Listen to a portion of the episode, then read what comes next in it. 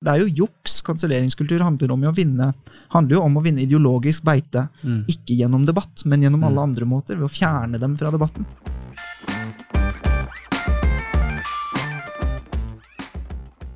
Jeg tror det er mye man kan lære her i livet. Jeg tror ikke selvtillit er noe jeg er født med. Men om jeg ikke er født med det, så fikk jeg det ganske tidlig. Ønske og evne til å gjøre ting selv og, og hoppe uredd ut i ting.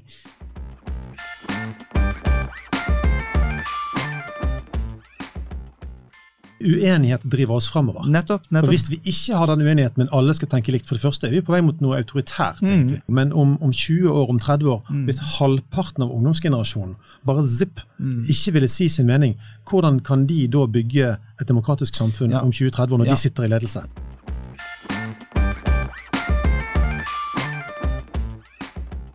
Det er fint å vite hvor det brenner hvis det brenner noe sted. Ja. Og det er veldig farlig hvis politisk korrekthet etablerer seg der. Akkurat nå så betyr vel politisk korrekt å svare det som eh, ja, en trent politiker med titalls uh, kommunikasjonsrådgivere ville svart på et uh, spørsmål som uh, Altså Det politisk korrekte er et svar som ikke skyver unna seg noen som helst velgere, på en måte.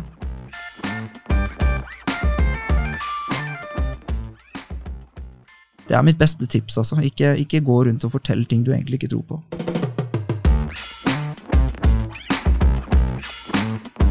Du hører Mannspodden jakten på mannsidentitet. Bli med Andreas Skjelde og Einar Helgaas på din vei mot autentisk maskulinitet.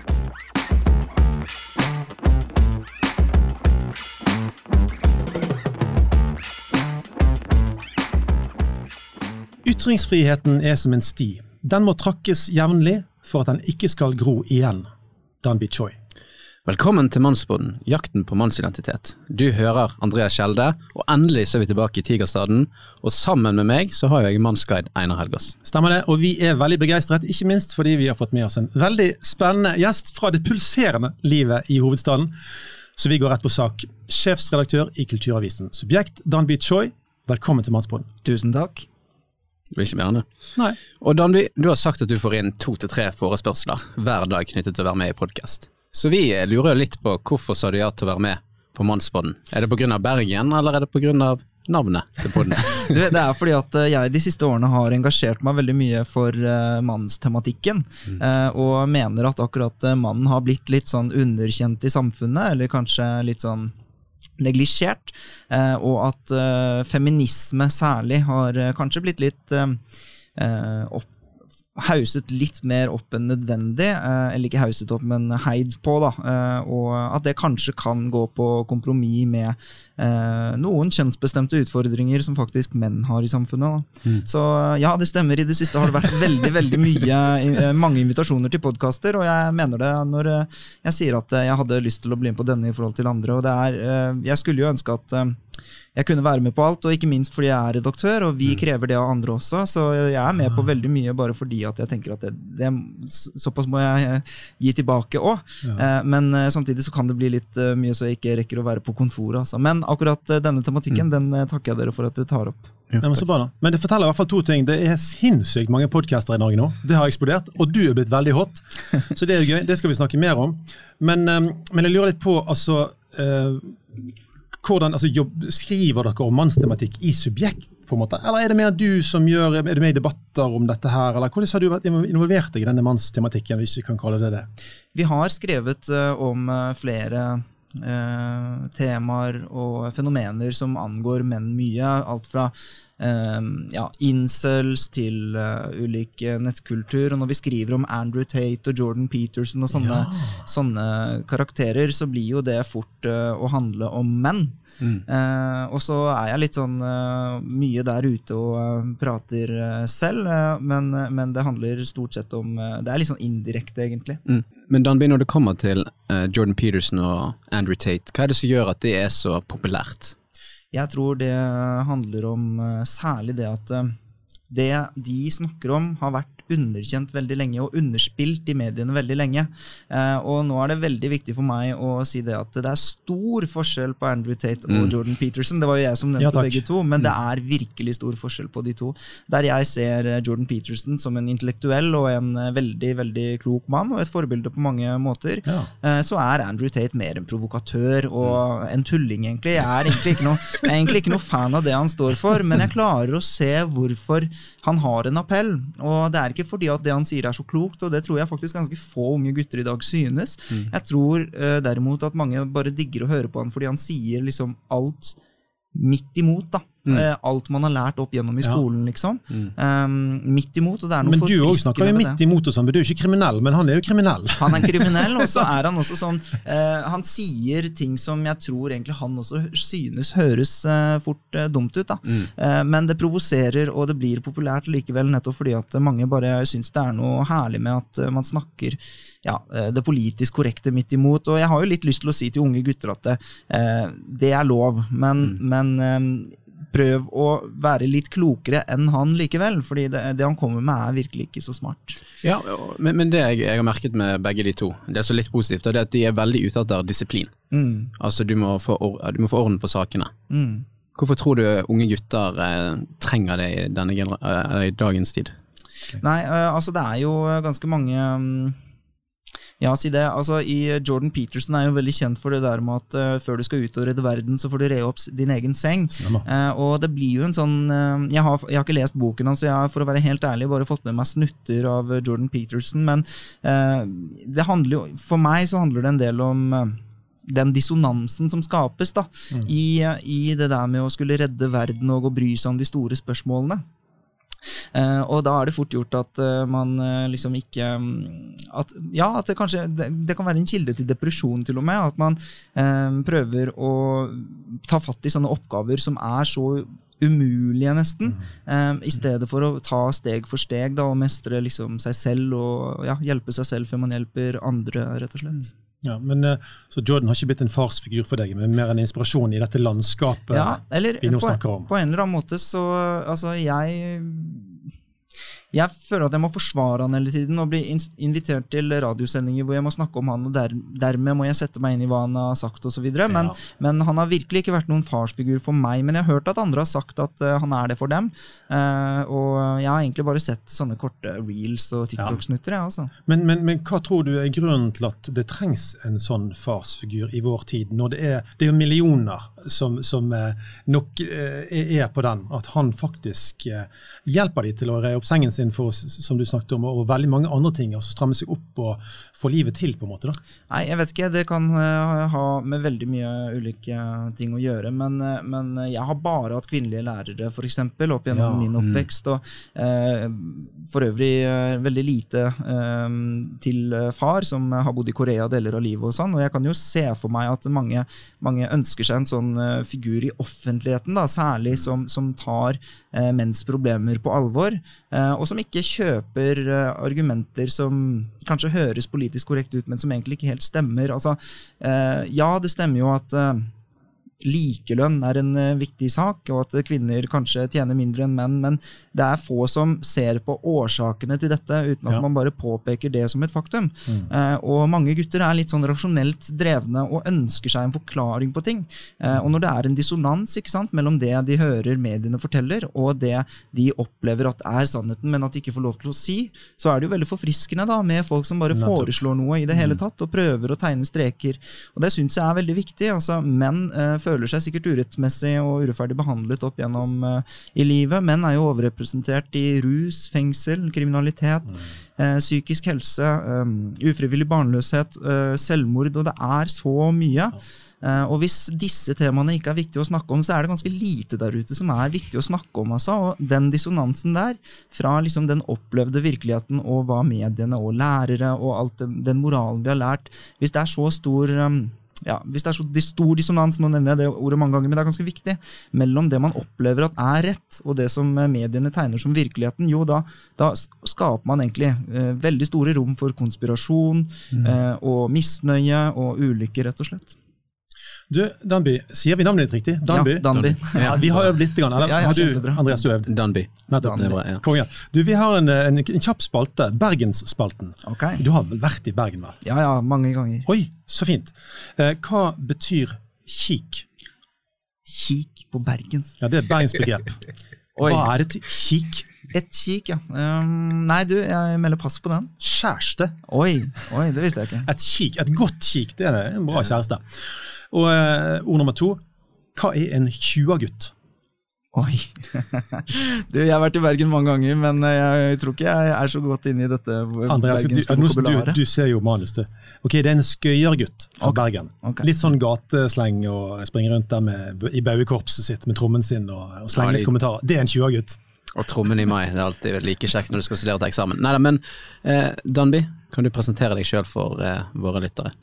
Jeg heter Dan Bichoy og er eh, 29 år gammel. Eh, Er sjefredaktør i Subjekt, som jeg har gründet selv, men eh, tross navnet Subjekt så er ikke det et one man show. Vi er tolv ansatte på kontoret, og de står på hver dag eh, for å eh, drive denne avisen som eh, mot formodning vokser og vokser. Norges raskest voksende avis, faktisk. Det er så stilig.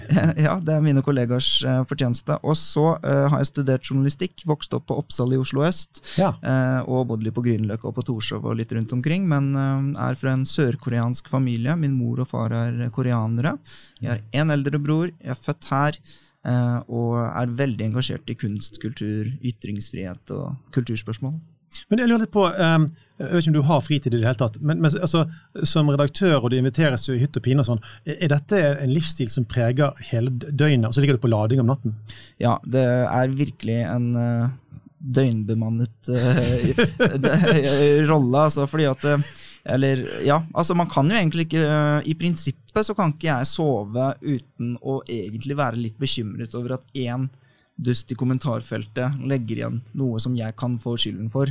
Ikke sant? Så det er jo, ja, det er jo faktisk eh, Det er jo faktisk sånn at det er en veldig krevende jobb, men det er veldig givende også. Det er jo derfor man vil være journalist og redaktør, ikke sant? fordi at man kan forsøke å belyse ukulturer og bevege samfunnet i den retningen man ønsker. da. Men det Du blir ikke utslitt, du har jo på med dette siden du var 18. Ja, Altså, Kommer du til et punkt der du må bare si at folkens, dere må gjøre jobben, jeg må bare rett og slett to uker til fjells eller til Syden eller et eller annet? Ja, eh, jeg håper å kunne gjøre det snart, men akkurat eh, frem til nå så har det ikke vært så mye av det. Men jeg er veldig, veldig takknemlig og fornøyd og alt mulig med den posisjonen jeg, som jeg har. Det er en takknemlig jobb på veldig mange måter, og, og når, man også, når det er så mye selvrealisering i det, ikke sant. Du lever drømmen din, Ja. sant? Ja, man gjør jo det, og, og, og, man, og man gjør det jo fordi det er gøy. eh, Så, og da er det virkelig ikke så farlig. Men eh, hva var det som gjorde at du var 18 år og startet med denne avisen? Hva, hva var det som tente denne brannen?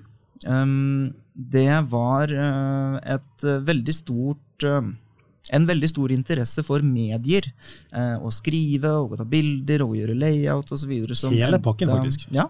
Eh, og da kunne man plutselig lage et magasin, da, et fysisk magasin. Det var ikke så veldig mye mer enn det som eh, trengtes, bortsett fra kanskje litt selvtillit og, og evne til å ta kontakt med distributører og sånt selv. Plutselig så sto man jo der da med et eh, helt selvlaget magasin med navn Subjekt og distribuert på Narvesen over hele Norge og sånn. og det, da, var, da var det bare én bidragsyter undertegnede. Og det, det var jo ikke fordi at det ble bedre på den måten, men hvem andre skulle bidra til noe sånt? Nei, det var det. sant? Men, men eh, du skiller deg jo ut. sant? Det er ikke så utrolig mange 18-åringer som gjør noe sånt. Nei. Hva er det som gjør at du skiller deg fra den store hopen? Nei, det, det er både liksom den samme forklaringen jeg har nå til å rasjonalisere hvorfor jeg gjør det, eh, som, eh, som den gangen kanskje litt mer underbevisst. da. Nettopp at man eh, får lov til å bidra til offentlighet og samfunnsdebatt liksom med sine meninger og løsningsforslag. Eh, alle sitter jo inne og brenner med et eller annet eh, som de skulle ønske at var bedre. Og jeg mener at offentligheten kan høre om både stort og smått, og kultur og økonomi, og, og det man kan bidra med, det må man altså bare få ut. Og så er det jo øving, da. Det, det krever en del sånn disiplin, men også å forsøke seg i offentligheten. Eh, og plutselig så sto man der ti år senere og hadde gjort det veldig mange ganger, da, men det, det var veldig sånn gradvis, altså. Men i forhold til andre redaktører, eh, hvis du tenker deg redaktører av de store avisene for eksempel i Norge, eh, hva er kortversjonen av hvordan du skiller deg ut? For det er jo sånn som jeg ser bildet nå, at særlig etter jeg har brukt mye tid på deg de siste dagene, så ser vi at altså, subjekt og du, dere er annerledes. Hva er greia? Ja, um, vi følger ehm, Vær varsom-plakaten og redaktørplakaten og sånn. Vi har jo blitt felt i PFU, men det har jo alle medier. eh, Og, eh, jo, jo, men det, eh, det er jo sant, det. Og, og vi eh, Altså, vi er dermed et såkalt mainstream media. Eh, Vi er ikke et alternativt media, selv om jeg ikke har så mye mot alternative medier, så lenge de prøver å har en etikk, da. Ja. Eh, men, men derfor så er vi egentlig ikke så forskjellige, bortsett fra at vi er veldig, veldig Vi prøver å ha en ekspertise på kulturspørsmål, og så prøver vi oss eh, i kulturjournalistikken, som har vært veldig preget av liksom ukritiske spørsmål, og at eh, kunstnere og journalister skal være venner osv., så, videre, så prøver vi egentlig å eh, være litt sånn økonomijournalister, slik de eh, dekker økonomi. Eh, det er en sånn eh, Flåklippa, jeg vet ikke om dere har sett den. Der er det en scene hvor eh, Frimann Pløsen, eh, hovedrolleinnehaver og redaktør, opplever opplagssvikt og journalister som sover mer enn de skriver og sånn. Eh, og da eh, skal han få bukt med dette problemet ved å ansette eller kjøpe inn en sånn robotjournalist. Eh, og så begynner den å bli veldig frekk, da, stille masse kritiske spørsmål og bli helt sånn uhåndterlig, egentlig. Uh, så prøver han å få bukt med det problemet òg, og da skrur han på alle knappene på fjernkontrollen sin og får ikke løst problemet. Jo, til slutt så fant han ut hva som var løsningen, da, og det var å stille inn på kulturjournalistikkmodus. Nei, må du gi deg. Og det er jo fordi, uh, Hvorfor lever? Jo, det er jo fordi at det er sant. altså Kulturjournalistikken har vært veldig ukritisk. Um, så alle andre journalister er litt frekke, de er pågående, og det krever veldig mye av intervjuobjektene sine. Men kulturjournalister har blitt ansett som noen som bare spør om øh, hvordan det går, nærmest. Uh, vi har ønsket å gjøre noe med det. Vi har ønsket å gjøre kulturjournalistikken kritisk og å stille liksom, makthavere i kulturfeltet til ansvar. Uh, vi tar ikke til takke med at initiativet er la oss si, feministisk, ja, eller la oss si at det er for liksom, lokal, lokale innbyggeres ve og vel. Uh, det høres ut som uh, noe berømmelig, men samtidig for at også kulturlivet skal stå på tå hev, så er det viktig at man også stiller kritiske spørsmål til det som ved første øyekast kan virke veldig uskyldig. Da. Ja. Det her er rått. Men eh, jeg, jeg har lyst til å gå litt eh, tilbake igjen, Danby, til denne her. Det virker som du har hatt veldig høy selvtillit, og du har vært modig. Ikke sant? Du sier at du har stått i den offentlige debatten i ti år. Mm. Eh, hvordan har det vært å liksom være der ute når du er på ja, du er på debatter med folk som er eldre enn deg og kanskje har mer erfaring, og hva er det som har, liksom, drevet deg når du kanskje har feilet, eller hva du har Ja, altså, Når jeg ser tilbake på det Jeg fikk jo um, um, jobben som kunstanmelder i Aftenposten rett etter studiene mine. Jeg har ingen eh, kunstfaglig utdanning, eh, og rett før meg var det liksom Kjetil Rød og um, en del sånne legender i kunstkritikken. Og så fikk jeg den jobben, og jeg forstår ikke at jeg hadde den selvtilliten. altså. Hele kunstfeltet. og Jeg skulle liksom kaste en dom over utstillinger og sånn. Nå har jeg heldigvis kunstanmeldere med eh, mer liksom, kunstfaglig utdanning enn meg til å gjøre den jobben i Subjekt, men den selvtilliten, eh, den, den eh, Jeg vet ikke hvor jeg har den fra, men jeg har hatt den hele veien. Og jeg heier Hele livet, på altså? Nei, jeg Fra du var 5 og 10 og 15, så hadde du høy selvtillit. Mm, ja, ganske tidlig så fikk jeg en sånn selv... em, jeg har vært veldig selvstendig, i hvert fall.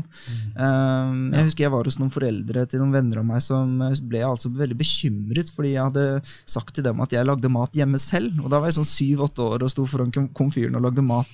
Eh, og det var ikke sikkert at det var med vilje. Jeg hadde mor som jobbet veldig mye, og så videre, men det har i hvert fall gitt meg en eller annen selvstendighet mm. senere i livet. Eh, kunne jo endt opp i en brann, men altså det, det gikk bra. Eh, så jeg, jeg tror det er mye man kan lære her i livet, og mye man kan ja. oppnå. Liksom, jeg, tror man, jeg tror ikke selvtillit er noe jeg er født med, men eh, om jeg ikke er født med det, så fikk jeg det ganske tidlig. Det er Ja. en sånn, hvert fall ønske og evne til å gjøre ting selv og, og hoppe uredd ut i ting. Så er det jo også sånn at man kan lære seg ganske mye rett før en Dagsnytt 18-sending, eller rett før man skal skrive en anmeldelse, og sette seg inn i ganske. Rågoogling i forkant, på en måte. Ja, ja, ja. Ja. Uh, og det er uansett ikke plass til alt sammen. Så jeg, sånn startet det vel. Men nå er det sånn at eh, de temaene jeg snakker om på Dagsnytt 18, det er jo ofte journalistikk eller andre kulturspørsmål som jeg jo har undersøkt i veldig mange år, da, eller opptil ti år. Så um, hvor den selvtilliten kommer fra? Nei, jeg, jeg heier på alle gutter og jenter også for øvrig, som uh, tror på seg selv og som går inn i det. Og så skylder jo de som er sinte på meg eller kritiserer meg, de skylder jo meg uansett å ta meg på noe faglig. ikke sant? Eh, og det sier at du ikke har utdanning, holder jo ikke. Du må prøve å ta artikkelen. Men, men kan vi bare komme litt tilbake igjen på dette her med Men sier du noe til deg før du går på disse sendingene? Sier du liksom sånn 'jeg har kontroll', eller, eller hva er liksom det som gjør At du liksom klarer å stå i presset? Got this. Danby! Ja. Om jeg peptalker meg selv? Nei, det gjør jeg ikke. Altså. Men eh, et uh, tips er jo sånn um, jeg, jeg har aldri hatt noe særlig sånn Å ljuge og sånn. har aldri, jeg har aldri ønsket å gjøre så mye av det. Eh, så, så, så sånn hvis, Eller ærlighet er veldig viktig for meg, da. Wow. Så hvis du står der og forteller noe du egentlig ikke tror på, da kommer du til å gjøre en dårlig jobb. og du kommer til å, eh, altså Hvis du gjør feil, så må du beklage. Altså, Så lenge du er veldig god og ærlig med deg selv, Mm. så kan ingen ta deg på noe som helst. For hvis du er så ærlig med deg selv at du kommer dit med beste argument og til og med blir tatt på lufta, så kan du jo til og med si 'Å ja, det hadde jeg ikke tenkt på'. Men så lenge du ikke sant, går Hvis du er så, såpass ærlig med deg selv, så er det egentlig ingenting du kan bli tatt på. ikke sant? Det er jo kun uh, å sette felle for seg selv eller å lyve eller sånne ting man kan bli tatt på. Det er mitt beste tips. altså. Ikke, ikke gå rundt og fortell ting du egentlig ikke tror på. Det der lukter det god karakter ut av. Jeg så at du eh, gikk ut og forsvarte Sofie Elise i denne interessante saken, med dette bildet med litt sånn eh, hvitt pulver og sånn. Eh, Og så innså du eh, etter kanskje noe press, jeg vet ikke, at du hadde gjort en feil. Og så går du ut og legger deg flat. Mm. Og det, Måten du gjorde det på, det, jeg syns ikke jeg ser det spesielt ofte i, i det offentlige rom. Nei, og det er noe jeg sier også i Jeg sitter jo i Oslo Redaktørforenings styre, og det er et par der også som, eh, med meg som mener at vi redaktører vi er for dårlige til å beklage. Eh, og det gir ingen mening å drive og være med i samfunnsdebatt hvis du liksom ikke ser det som et alternativ eller en mulighet å beklage en feil. Så det er, det, det er vel, egentlig veldig naturlig for meg å beklage hvis man, hvis man har gjort noe galt. Da. Så det, uh, det var helt eh, naturlig for meg å gjøre. Og det var jo en veldig Eh, altså jeg, også Beklagelser skal, burde jo være helt uforbeholdne, sant? men eh, det var en spesiell beklagelse. også, fordi at eh, jeg var jo så heldig at det var en situasjon hvor jeg ikke trengte å si Hvor jeg trengte ikke å beklage noe jeg hadde sagt. Det var jo bare det at jeg hadde gjort det i min egen plattform. Eh, og det, Ja, det mener jeg jo er sosiale medier. Mm, og ja, det var ikke i subjekt. Jo, jeg gjorde det i subjekt. Og problemet er jo at jeg er venn med Sofie Elise. Mm. Og Ah. redaktører som har sin egen plattform, burde ikke misbruke den ikke sant, til å hjelpe venner. Men jeg ble jo intervjuet i ja, VG, TV 2, NRK, Kampanje, Medie24 og alt mulig annet, og der kan jeg mene disse tingene. Så, så ja. Men eh, det var jo helt riktig av meg å legge meg flat for, den, eh, for å skrive eh, en, en forsvarstale for min venninne i min egen avis. Det er jo det er veldig bra at noen påpekte det, og det er jo egentlig kritikkens funksjon og rolle også. ikke sant? Alle kan bli bedre. Du er i en fin arv etter Eisenhower. Ja. Eisenhower, hvordan sier du det? Han var jo den som ledet invasjonen av Normandie. og i det hele tatt. Han hadde en filosofi som politiker. Han ble jo president i USA på 50-tallet. Han tenker akkurat som deg, tenkte akkurat som deg. eh, at han, eh, han var veldig flink til å gi de som jobbet for han, ga han mye skryt. og Du har allerede skrytt uh, staben din opp mer enn deg sjøl. og han var veldig opptatt av å innrømme feil. Han sa at hvis 6.6.1944 gikk galt, it's only my fault. Det var det han hadde tenkt å si. Mm. Og det er et eller annet, Jeg syns det er utrolig nydelig. Eh, Og I Mannsbåten er vi veldig opptatt av dyder. eller det er noe som vokser mer og mer frem. Vi skal snakke om dyder, og vi kommer litt inn på det i dag. Og i så fall så er det nydelig levert. Du, Vi har en spalte som heter Fem fra hofta. Vi vet egentlig aldri hvor mange skudd det blir fra hofta, men, men du tåler sannsynligvis litt, eh, litt, eh, litt skudd fra oss her før vi går inn på enda mer tematikk. da. Klar som et egg. Klar som et egg. Men du, du fremstår eh, som en skarp eh, person. Eh, Var du et skolelys, og har det vært med å bidra til at du kunne bli redaktør? Jeg tror ikke du likte alt på skolen, sånn som jeg har lest deg opp. Jeg fikk eh, sekser i matte, som eh, stereotypien eh, koreanere eh, om. Ja, den, den kan jeg bekrefte i mitt tilfelle. Ja, ja. Og så fikk jeg treer i norsk, og endte opp som redaktør, altså. Oi. Eh, og jeg er fremdeles ikke den beste i uh, f.eks. kommaregler i redaksjonen. Eh, blir, blir stadig bedre, men, men jeg, jeg var aldri veldig god i norsk, så utrolig nok så ble jeg eh, redaktør av yrke. Men så er jo ytringsfrihet en av dine store hjertesaker. Det kan ikke vi bomme på. Det er sant. Det er sant. Er du Norges svar på Voltaire? Som var villig til å dø for sine Ja.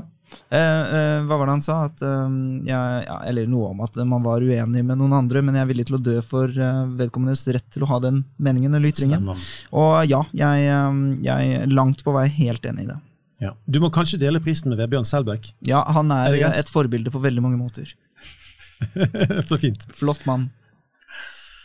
Yes, eh, og du har vært i mange podcaster og snakket om mange ulike temaer. Og vi i Mannsbrunnen vi ønsker å skape litt variasjon, for det kan jo bli litt kjedelig å snakke om det samme om igjen og om igjen. Mm. Eh, så vi ønsker at du skal være med på Det blir en ny spalte, dette her. rating av eh, ulike ting, da. Er du Ok, klar? ja. Mye terningkast. Eh, hvor sterk allergi har du mot avlyste debatter knyttet til tabubelagte temaer? Fra en skala fra én til seks. Ja, eh, seks. Du er veldig allergisk Ja, mot det. det tåler jeg ikke. Så hvis NRK liksom ikke er helt klar for å ta for eksempel, en litt sånn krevende debatt om trans, hva er det du gjør da? Da setter vi opp vår egen debatt og gjør den eh, enda bedre enn dem. Til og med det! Jo, men ja. eh, eh, det, var, det er vel en referanse til det vi gjorde Ja. den gangen. Ja, ja altså Ja. Det, det, det var jo så, litt sånn morsom episode, fordi at de, de hver gang en journalist ringte, hadde de jo forskjellige svar. Det var jo helt såpass, det var helt åpenbart at de gjorde dette pga. press, men Mm. så plutselig ringte en journalist, og nei, det var pga. Noe annet og noe annet hele tiden. Og så var det særlig viktig for oss da å følge med på de intervjuene og si nei, vi hadde ikke god nok tid. Og så, ok, Det skal vi klare på halve tiden. Og vi klarte ikke å sette sammen et panel, nei vel, men eh, da skal vi i hvert fall få tak i alle de dere fikk ja fra, og den motsatte siden. Og, uh, ja, og det var egentlig mest for å bevise at det er ikke dette NRK slet med. De har seks milliarder i budsjett. Hvorfor skulle vi med en liten, bitte liten brøkdel av det få til det? 10-12 millioner i året på subjekt. Riktig. Og, men før vi hopper videre til neste, eh, hva betyr egentlig politisk korrekt? Kan du definere det? Ja, altså Det betyr jo noe annet nå enn det gjorde en eh, gang eh, før i tiden. Men eh, akkurat nå så betyr vel politisk korrekt å svare det som ja, en trent politiker med titalls kommunikasjonsrådgivere ville svart på et spørsmål som ja, altså Det politisk korrekte er et svar som ikke skyver unna seg noen som helst velgere, på en måte. Og herlighet, det høres jo veldig sånn populistisk ut. Ja, det er jo populisme og ja, pleasing, crowd pleasing. Crowd pleasing. Ja. Det var, det var litt sånn rått.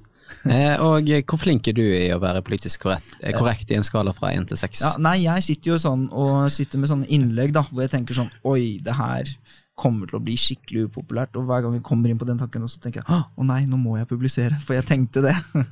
så jeg er litt sånn motsatt av alt, eh, alt annet, egentlig. Hver gang det kommer et innlegg som jeg syns er litt sånn ubehagelig, og jeg tenker at nå gjør vi oss upopulære, da tenker jeg at oi, da er det noe viktig, da må vi publisere det. Og så Da er vi der vi skal være, liksom. Ja, det er nettopp. Motstanderbiten. Nettopp. Og så er det selvfølgelig min eh, jobb eh, sammen med debattredaktør å sørge for at fakta stemmer, og at ja, Mm.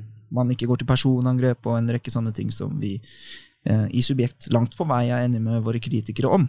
Men, for å stille, men trenger vi at folk er politisk korrekte? Trenger vi liksom den Eh, brytningen, på en måte? ja, det, Eller er det bare negativt? ja, altså jeg tror um, Jeg kritiserer jo politisk korrekthet hele tiden og veldig mye, men det kan faktisk hende at det, det, altså, det er en del F.eks. i offentlige institusjoner så er det ikke sikkert at de ledes best av sånne som meg. Uh, at uh, noen uh, egentlig bare er diplomatiske og har noen Det er forskjellige måter å lede på, da. Eh, og jeg tror at uh, veldig mange, mange ledere burde uh, Det kan hende det er en styrke med en viss sånn politisk korrekthet også. Det er ikke om å gjøre å lage. Um? Men samtidig, i veldig mange spørsmål, de spørsmålene jeg engasjerer meg for, så mener jeg at politisk korrekthet på den andre siden begynner å nærme seg veldig farlig. Da. Jeg er jo engasjert i ytringsfrihet som kjent, og forskning, journalistikk, kunst og humor. Og der er det ikke politisk korrekthet som skal råde.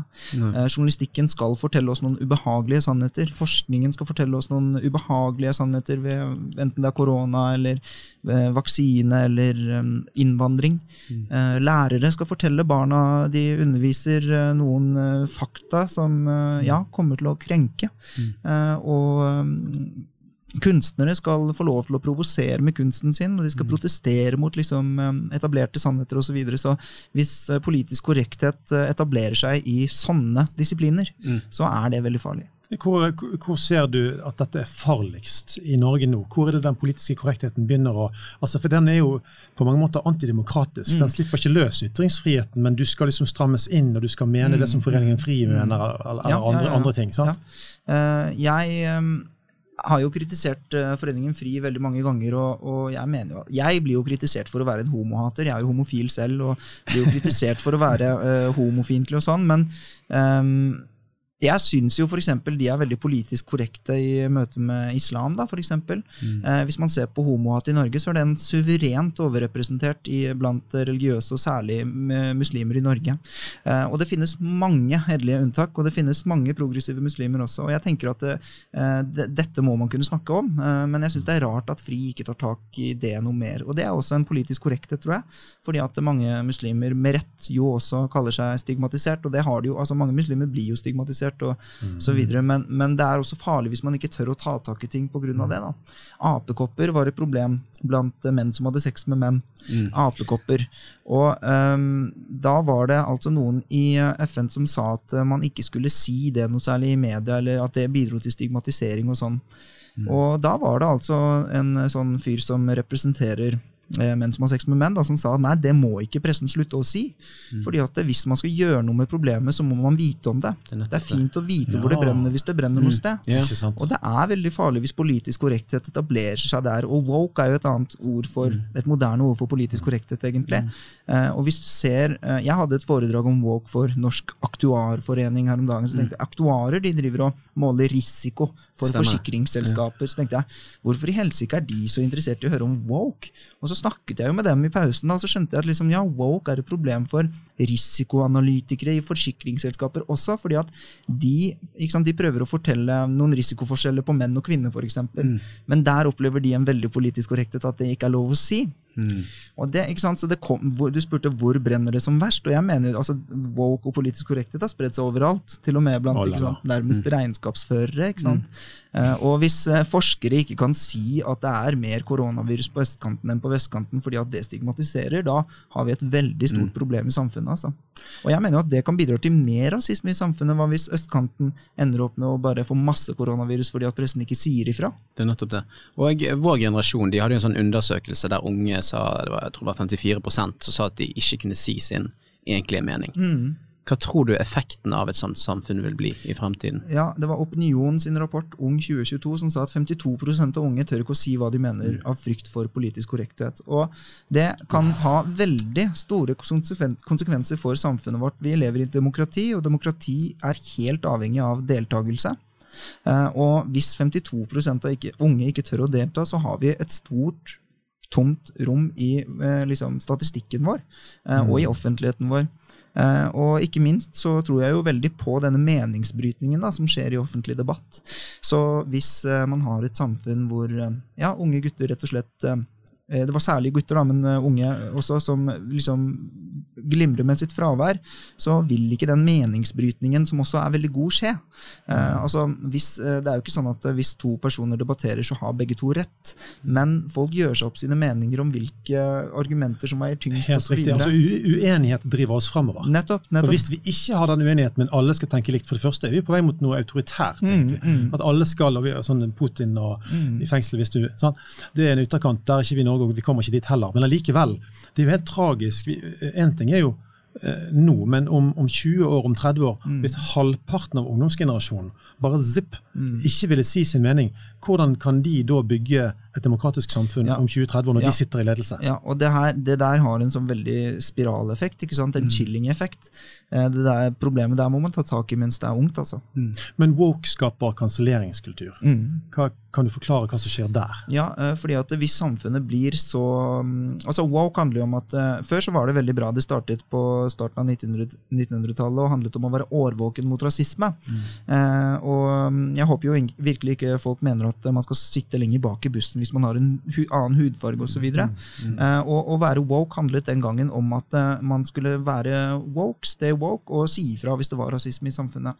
Men plutselig så begynte man å se denne årvåkenheten gå veldig langt. da, Nå har man blitt så årvåken og blitt så våken, og man begynner å se så godt at man begynner å se spøkelser på høylys dag, egentlig. Ja. Uh, Det er f.eks.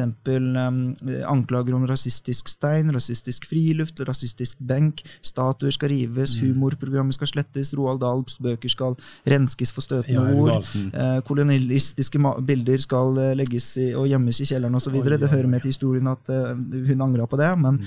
men eh, ikke sant? det kan gå for langt. da, Alt kan gå for langt. Og når man snakker om woke-kritikere som meg, da, så, man, så er det veldig mange av mine kritikere igjen som vil ha det til at vi kjemper liksom mot alt som er godt i samfunnet. Mm. De vil jo bare bli kvitt diskriminering. Men for meg så handler egentlig woke-kritikk om å ta antirasisme på alvor.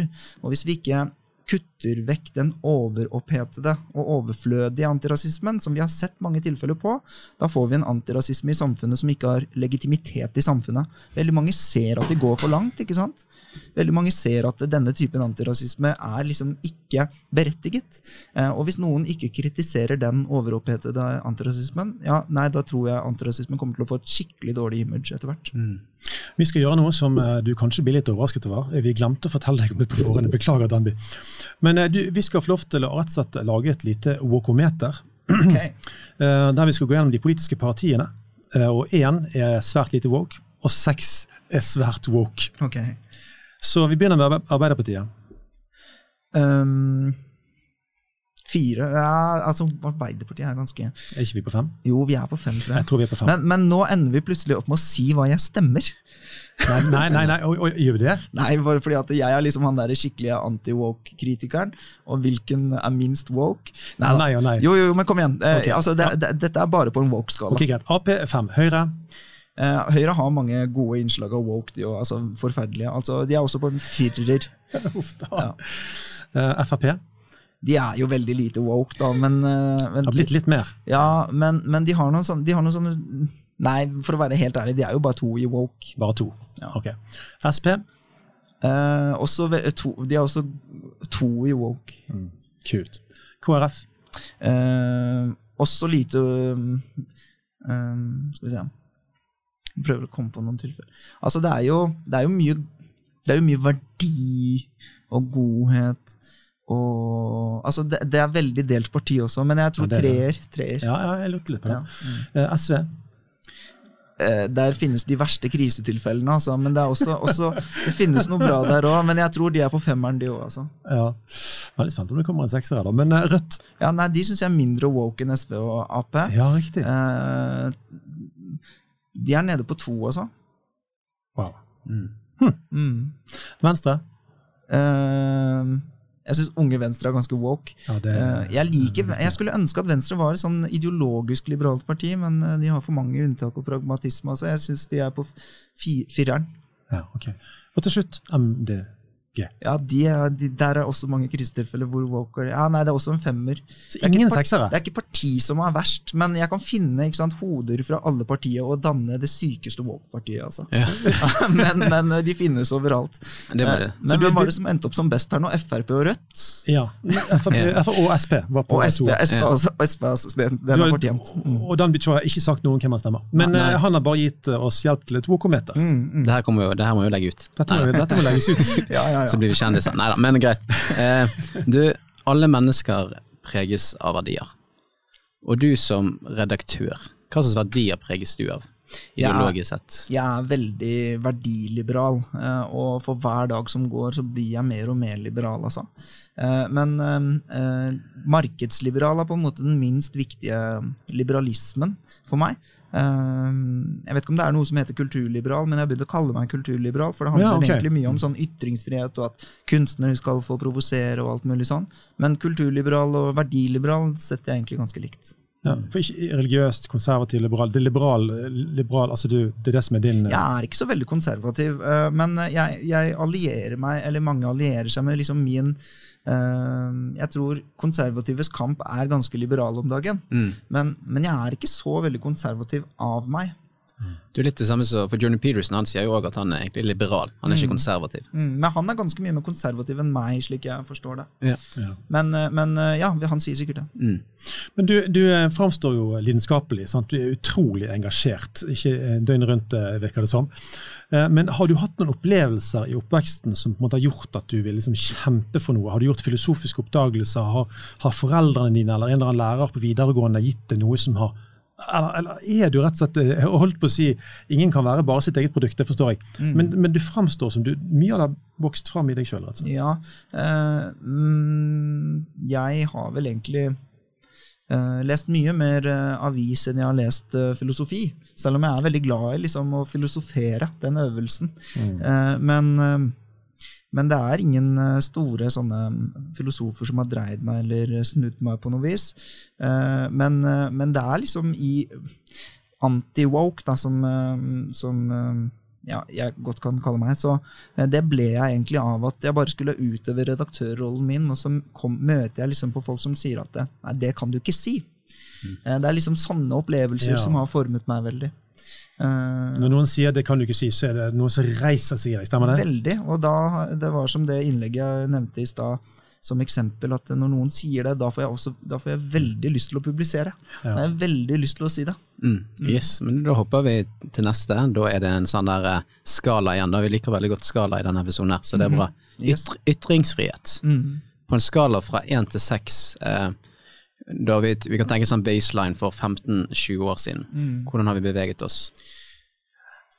Um, åh, det er veldig ulike måter å se det på. fordi at uh, Vi har definitivt fått mer yt, altså, ytringsfrihet, men det er ikke juridisk. Det er sånn Facebook har kommet. Uh, før så måtte man jo gjennom en redaktør for å få publisert et innlegg. Nå kan jo eh, hvem som helst gå like viralt som meg eller noen andre på Facebook. Og det er i utgangspunktet veldig bra. Ytringsfriheten har blitt veldig demokratisert. Så vi har fått veldig mye mer ytringsrom. Men det kommer jo med liksom nye typer problemstillinger osv. Så, videre. så så jeg er egentlig optimistisk på vegne av liksom utviklingen. Eh, men eh, men det, vi har noen helt andre utfordringer enn nå enn før. Og så er det også sånn at eh, når jeg sier at Eller når, når Ytringsfrihetskommisjonen sier at Norge er verdensmestere på ytringsfrihet, som jo stemmer, så blir jeg likevel litt provosert. Fordi at de ser liksom på loven og det juridiske, men det er ikke juridisk ytringsfriheten i Norge sliter. Hvis du spør norske karikaturtegnere om hvorfor de ikke eh, tegner profeten Mohammed, så det er ikke det av frykt for å få politiet på døren. Nei, det er. Det er av frykt for noe helt annet, og det er såkalte glasstak i samfunnet. ikke sant? Og De som ikke vil tegne profeten Mohammed, de vil jo ikke se det glasstaket, det er av glass. Men de som prøver, de som hopper, vil kjenne det. Og Hvis vi ikke klarer å identifisere sånne glasstak i samfunnet, da tror vi at vi har mye mer ytringsfrihet enn vi egentlig har. Og Det er derfor jeg også er opptatt av å skrive om og katalogisere tilfellene av scenenekt, avlyste debatter, kanselleringskultur osv. For dette er glasstak i samfunnet. Mange ser på disse 52% av unge som ikke uttaler seg som De merker det jo ikke selv. De har jo alle innenfor det common sense opplever jo ikke at de treffer noe glasstak. Det er jo de som ønsker å, å ytre seg forbi dette, som merker det. Så, så det er veldig viktig at man har dette til diskusjon hele tiden. Og som du innledet med, en ytringsfrihet, ytringsfriheten er som en sti i skogen. Den må hele tiden tråkkes ned, hvis ikke så gror den igjen. Det er så fint, det. Stemmer det. Ja, og apropos det, da kommer vi egentlig inn på mot, da. Det handler jo om mot når man liksom tegner og liksom går mot eh, ja, det politiske korrekte landskapet. Eh, og mange mener at eh, den vestlige mannen er blitt veldig usikker, og det er veldig få menn som har troen på seg sjøl. Er du enig i dette? Ja, det tror jeg nok. Og hva tror du det her kommer av? Altså, hva er det Nei, det er jo Altså, man skal jo også ikke sant, leve i en verden med andre. Ikke bare andre kjønn, men også andre menn. Eh, det er klart at man skal ta litt hensyn. Det er mye, blir mye albuer om ikke. Og det er, det er en god ting å, å ikke sant, ha en viss disiplin og en viss eh, respekt for andre osv. Men, men det er liksom i noen av disse yrkene og profesjonene jeg mener at det man virkelig bare må tråkke den politiske korrektheten ned, altså. Uh, og det er særlig i de, hvis man er lærer, kunstner, forsker osv., journalist. Uh, men um, men uh, hvis, man for, hvis man tar for mye av dette hensynet, som woke jo krever, så kan det hende at eh, man, eh, man blir litt sånn desorientert. Eh, man vet ikke, altså Er det ikke lov å være mannlig lenger? Er det ikke lov å være mandig? Er det ikke lov å være guttete? Eh, og langt på vei så mener jeg liksom det eh, det narrativet dyrkes. da. Eh, For eksempel um, NRK skrev om TikTok for noen måneder siden, og at det, var en eh, Samuel som eh, hadde begynt å trene. da. Og se opp til eh, en, eh, flere som trente på TikTok. Og så skriver de liksom Ja, de prøvde å etterligne hans mønster på TikTok, og så ser de bare at det kommer mer og mer treningsvideoer, og han kommenterer liksom Ja, hvordan kan jeg få den kroppen, og så videre. Det er klart at alt kan bli veldig ekstremt. Ja. Men samtidig så skrev de den artikkelen som om ikke sant, han, han hadde, altså, som om det var verdens største problem at han hadde begynt å trene. Altså Gutter blir så utrolig um, uglesett. eller sånn, man, man, tror eh, det er galskapen selv, da, og det er så mye annet ufornuftig gutter kan drive med Mm. enn å drive med trening. Eh, og det å interessere seg for det å være seg bil eller liksom guttete ting er liksom veldig Men der syns du at gutter skal få lov til å være Ja, jeg guttete? syns det. Jeg syns det. Du er der. Ja. Men, men megareksi, er ikke det det kalles når man eh, blir så opptatt av å bygge seg en stor kropp? Og Hvis du begynner som 13-14-åring med, med treningsmengder som vanligvis har vært kjent fra kanskje typisk videregående, eller noe sånt, Ja. Er, er det litt tidlig? Ja, selvfølgelig. Og man skal, se på man skal se på dette med et kritisk lys også, men akkurat den artikkelen tok helt av, syns jeg. altså. Eh, og det er så mye an mange andre ting gutter kan havne i, som er mye verre. Det er sant. Eh, og, og det, at eh, liksom, ja, altså For eksempel så vest, Et av Vestens største folkehelseproblemer er jo fedme. Det er Så, det. så det er litt sånn at, at, at man eh, og, det, og man ser dette er en del av en tendens da, hvor um, såkalt um, ja, Mediene er såkalt fatphobic, og Mm. alt er fatshaming, og trening er ikke greit, og eh, det bidrar til kroppspress osv. Så, videre, og så, videre. så får man en sånn verden hvor alt er veldig sånn um, alt tilrettelagt for at ingen skal bli såret eller krenket. Mm. Og da kan en sånn selvtillitsmann eh, føle seg veldig født på feil planet. Mm. Altså. Ja, Når han endelig begynner å gjøre noe annet enn å sitte bak skjermen sin Mm. som trening, så, så, så, får han, så får han hets på det. Mm, mm. Når han endelig hadde noe som var en positiv bevegelse. da. Men, men kan man tenke at uh, de andre som kanskje ikke er like fit, de får bedre selvtillit, eller hva tenker man der?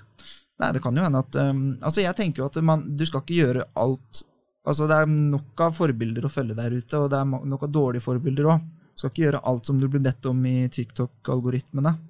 Men, eh, men eh, det er også Ja, det, det, er, det kommer som en del av et større problem, syns jeg, og det er det der narrativet om at det som er guttete, mandig, mannlig, det blir ansett som noe nærmest veldig kriminelt. Da. Men bare akkurat det begrepet mandig, for det brukes jo veldig lite. Mm. Sant? Det er jo nesten som, like galt som å si testosteron. Ja, Altså, ja, ja. Du, Du, bare, du føler du blir satt i en boks som en eller annen macho med en gang. Samtidig snakker vi om helt ufattelig vanlige ting Mm. i en manns kropp. da.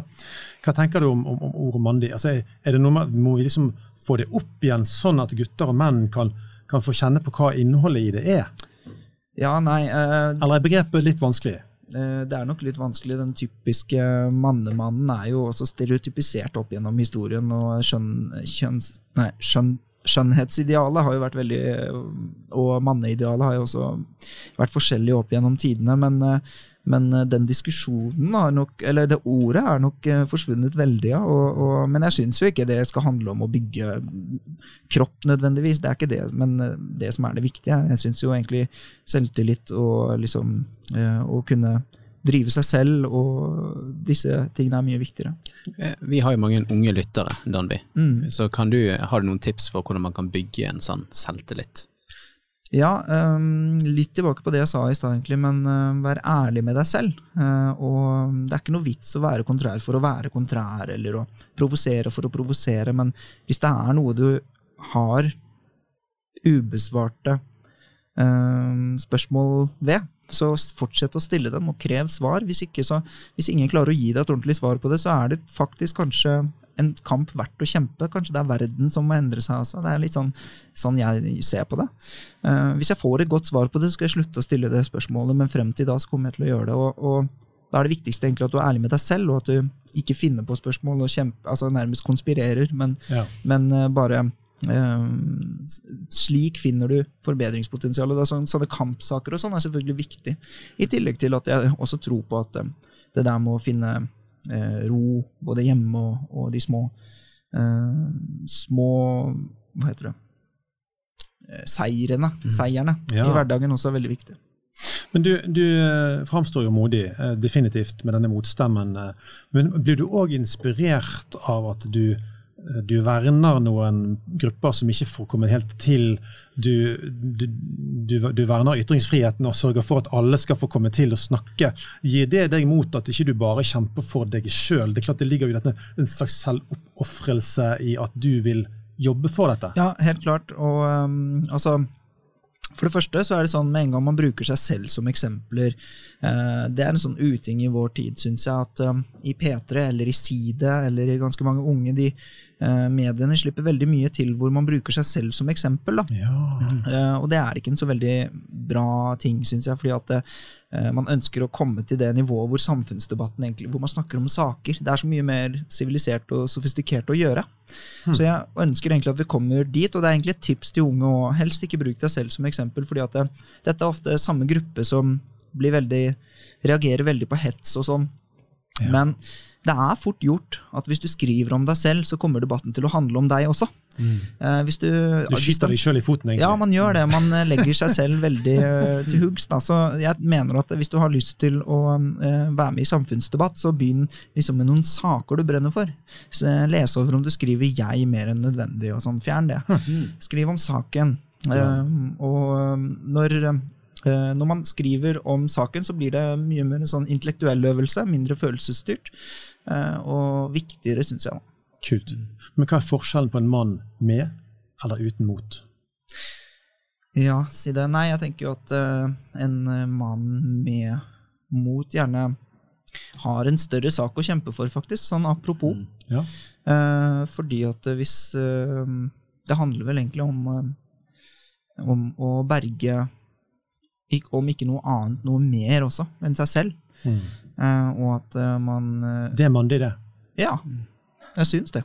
Ja, sant? Mm.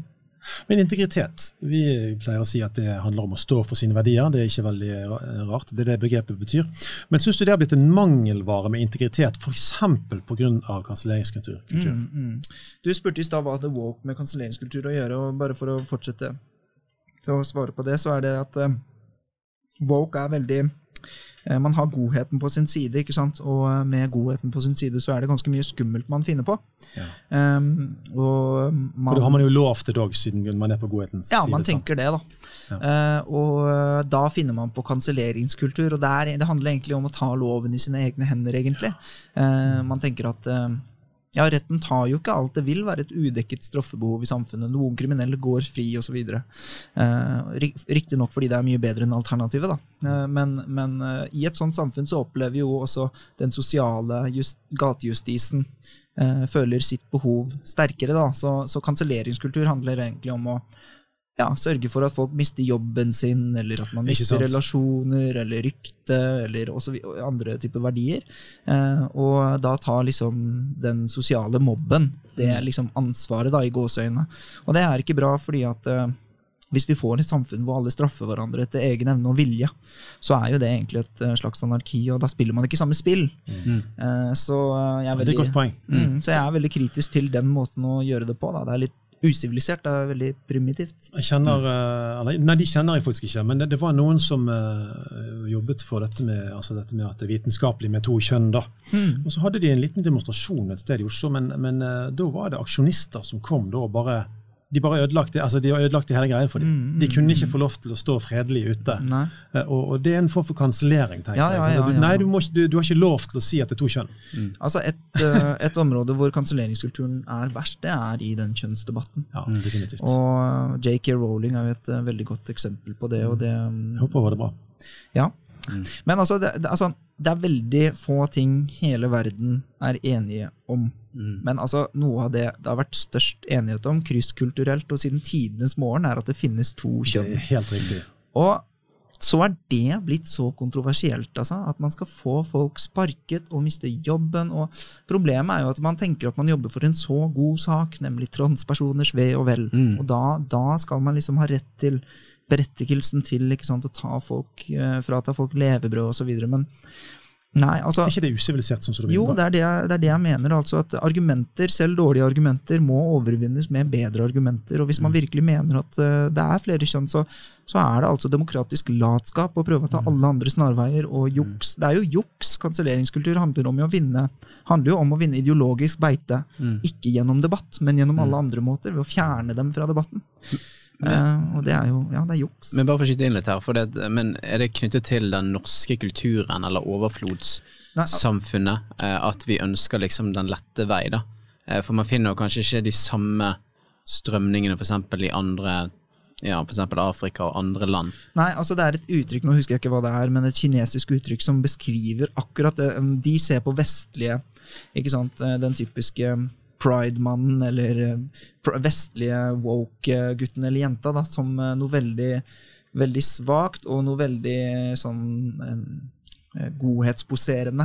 Og De har et eget ord på det som jeg synes er ganske fascinerende. fordi Jeg klarer ikke helt å sette ord på det selv engang, for de er jo vestlige, men de ser på oss.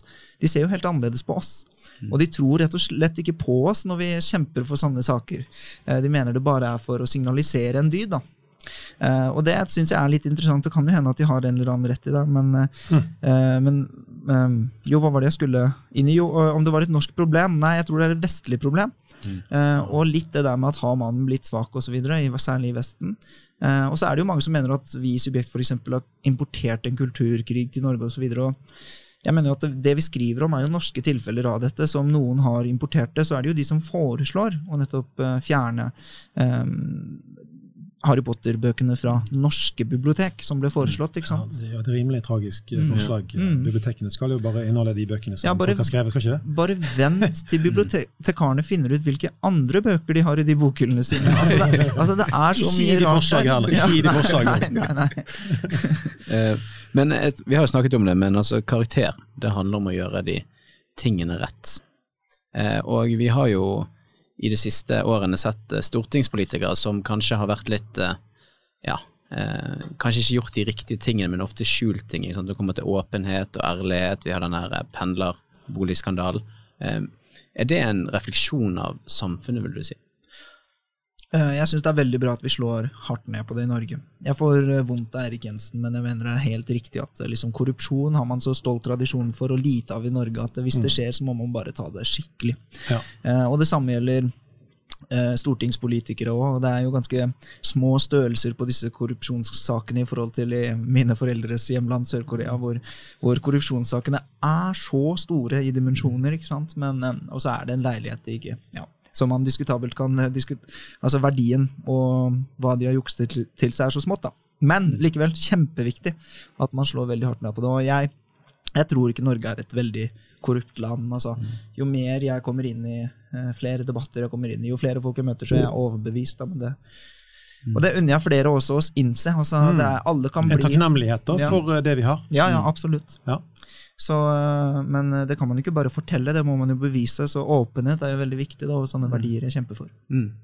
Men savner du mer eh, dyder og god moral i, i type storting og sånt? Eller, eller er, er du mer opptatt av å, å si det du nettopp sa? Sant? Altså, vi må være takknemlige for at vi har et samfunn som står så godt som det gjør i disse tingene, i forhold til dyder, i forhold til karakter, sant? integritet.